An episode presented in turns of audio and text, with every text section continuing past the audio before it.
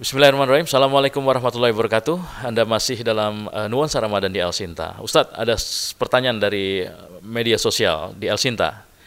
Ini pertanyaannya simple, tapi kayaknya jawabannya susah-susah gimana gitu ya. Saya mau tanya Ustadz, apa itu sabar? Apakah ada batasnya Ustadz? Jazakallah khair, terima kasih. Mohon pencerahannya. Wah, gimana Ustadz? Sabar nih Ustadz.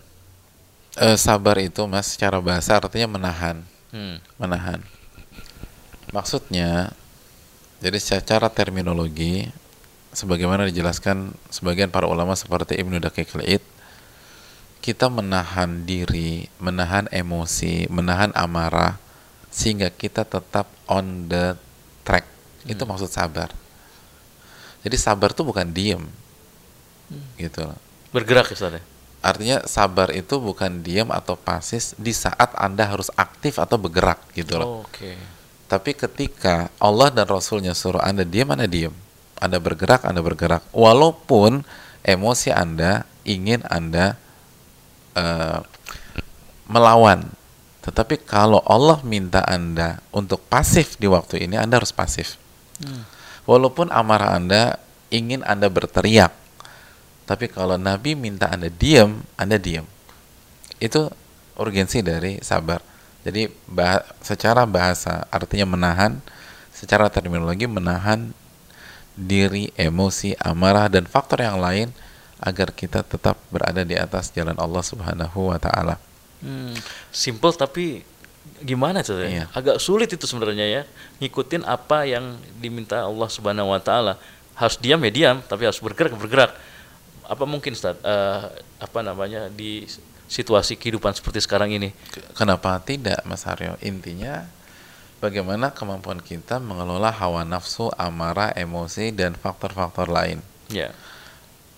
Dan lagi-lagi kita lemah.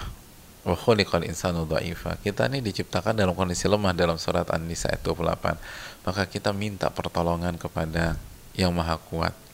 Coba doa kepada Allah agar dijadikan orang-orang yang sabar jangan lupa sholat gitu loh. Yeah. jangan lupa berzikir kepada Allah. Karena itu akan memberikan kekuatan agar kita bisa mengendalikan diri kita. Karena yang jadi masalah sebenarnya bukan musuh di luar mas. Yeah. yang jadi masalah adalah musuh di dalam diri kita sendiri.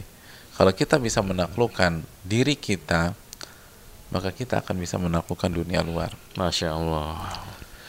Dan sabar yang terberat itu itu di detik-detik pertama. Makanya Nabi SAW bersabda, Inna sabru inda sadamatil ula. Inti dari kesabaran itu ketika hentakan pertama. Ketika detik pertama. Ketika misalnya ada seorang seseorang meninggal dunia, lalu istrinya ketika mendapatkan telepon bahwa suaminya meninggal, dia pingsan. Lalu dua minggu kemudian dia katakan saya sabar menerima takdir ini. Itu bukan sabar. Gitu. Sabar itu begitu dengar telepon dia langsung mengucapkan innalillahi wa inna ilaihi rajiun. Karena ketika dia pingsan dia nggak bisa nahan. Yeah. inti sabar kan nahan. Di situ ya kita harus nahan mas. Yeah, yeah, yeah.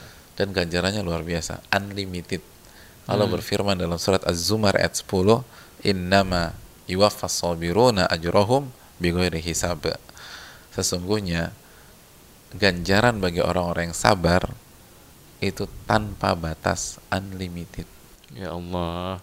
Baik, terima kasih Ustadz atas jawabannya. Mudah-mudahan bermanfaat untuk kita semua. Mendengar demikian tadi jawaban dari Ustadz Nusud Zikri Hafizullah Ta'ala. Nantikan jawaban-jawaban selanjutnya dalam Nuansa Ramadan di El Sinta. Terima kasih. Wassalamualaikum warahmatullahi wabarakatuh.